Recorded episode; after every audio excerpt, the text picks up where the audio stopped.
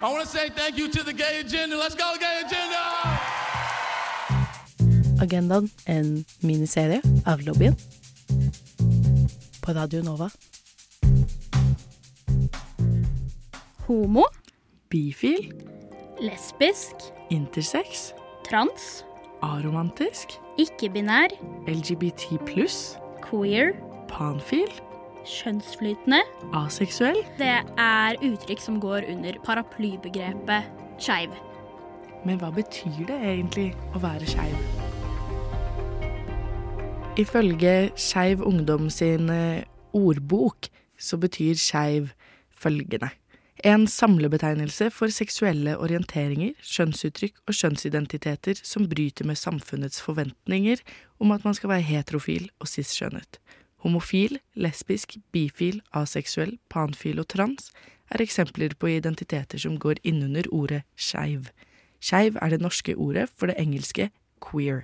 What's your drink of choice? A Negroni. I was going to say the same thing. Magliato.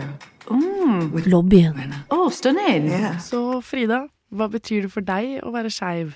Det å være skeiv for meg betyr um, egentlig bare at jeg ikke føler meg komfortabel med typ den normen samfunnet har sagt i at man skal være hetero. Fordi det er jeg ikke. Jeg er, veld, jeg er veldig bifil, og da føler jeg på en måte det at sånn der, OK, jeg er skeiv fordi det er sånn alle terms av på en måte det å være litt utenfor det veldig heteronormative samfunnet, hvor alt skal være liksom sånn ja ja, hetero her og hetero meg der. Og det Jeg passer ikke så veldig godt inn der akkurat, fordi det er sånn der, OK, ja, men jeg liker gutter, og jeg liker jenter.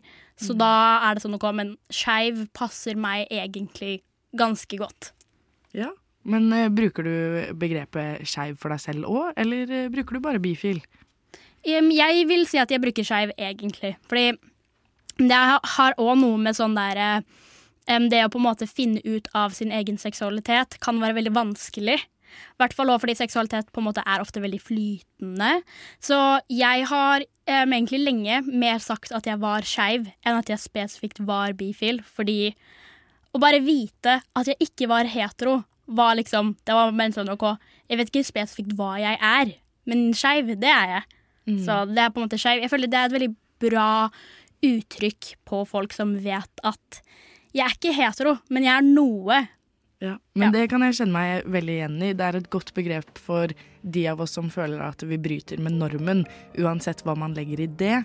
Altså For meg så har jo jeg også kjønnsperspektivet i det. Jeg identifiserer meg som ikke-binær.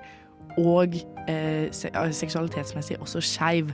Og der bruker ikke jeg noe annet begrep enn skeiv. Jeg bruker bare skeiv, og det for meg henger veldig sammen med liksom den eh, interconnectednessen mellom seksualitet og kjønn, da.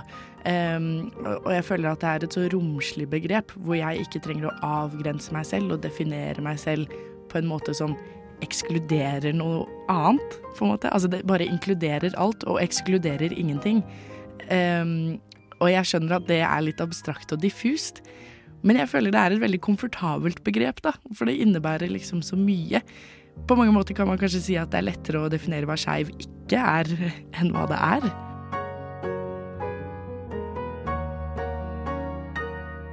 Ja, det er jo lettere å definere hva skeiv ikke er, enn hva det egentlig er. Og hvis jeg personlig skulle liksom definere hva, hva er det skeiv ikke er?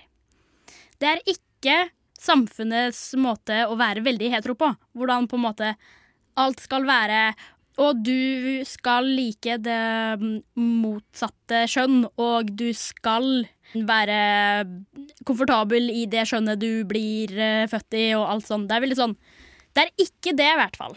Nei, det er det veldig klart at det er det ikke. Og det er ikke å innfri til samfunnets forventninger til kjønnsroller og seksualitetsnormer.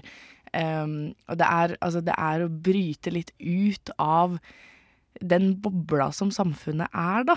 Um, det, altså, det å være skeiv er jo liksom det å tre inn i et, sam, et nytt samfunn i seg selv.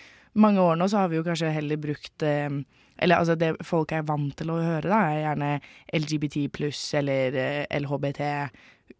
Q pluss pluss pluss, liksom. Altså, eh, mens eh, skeiv har blitt mer populært, sånn jeg opplever det i hvert fall, de siste årene, og på en måte overtar litt for den tidligere bruken av sånn LGBT-miljø, så kan vi heller på en måte bare si det skeive miljøet. For det, da bare inkluderer vi alle, så slipper vi å liste opp alle bokstavene og en pluss og en pluss til, eh, liksom. Altså for skeiv blir bare det paraplybegrepet, da, som, som rommer alle. Ja, for det å være skeiv er Det er veldig mye. Så da er det lettere å på en måte være sånn OK, men jeg er skeiv, istedenfor å si jeg er faktisk B-en i LHBTQ pluss uh, alt annet. Det er sånn Jeg føler alle seksualiteter og kjønnsidentiteter er like viktig. At, Absolutt, absolutt. at da å si skeiv på en måte gjør at jeg føler at det blir mer komfortabelt enn at på en måte man skal liste opp alle, og så kommer det en pluss bak. For det er sånn å komme en, Hva er egentlig plussen? Det er sånn I skeiv så er det bare sånn alt, alt er skeivt. Ja, og det er liksom sånn Skeiv kan både være det du definerer deg som. Altså sånn, for, for meg personlig så er jo det forklaringen på min seksualitet. Det er bare skeiv, liksom. Jeg bruker ikke noen andre begreper enn det. Men det kan også være eh, et tilleggsbegrep. Altså man kan bruke andre definisjoner for eh, kjønn og seksualitet for en selv.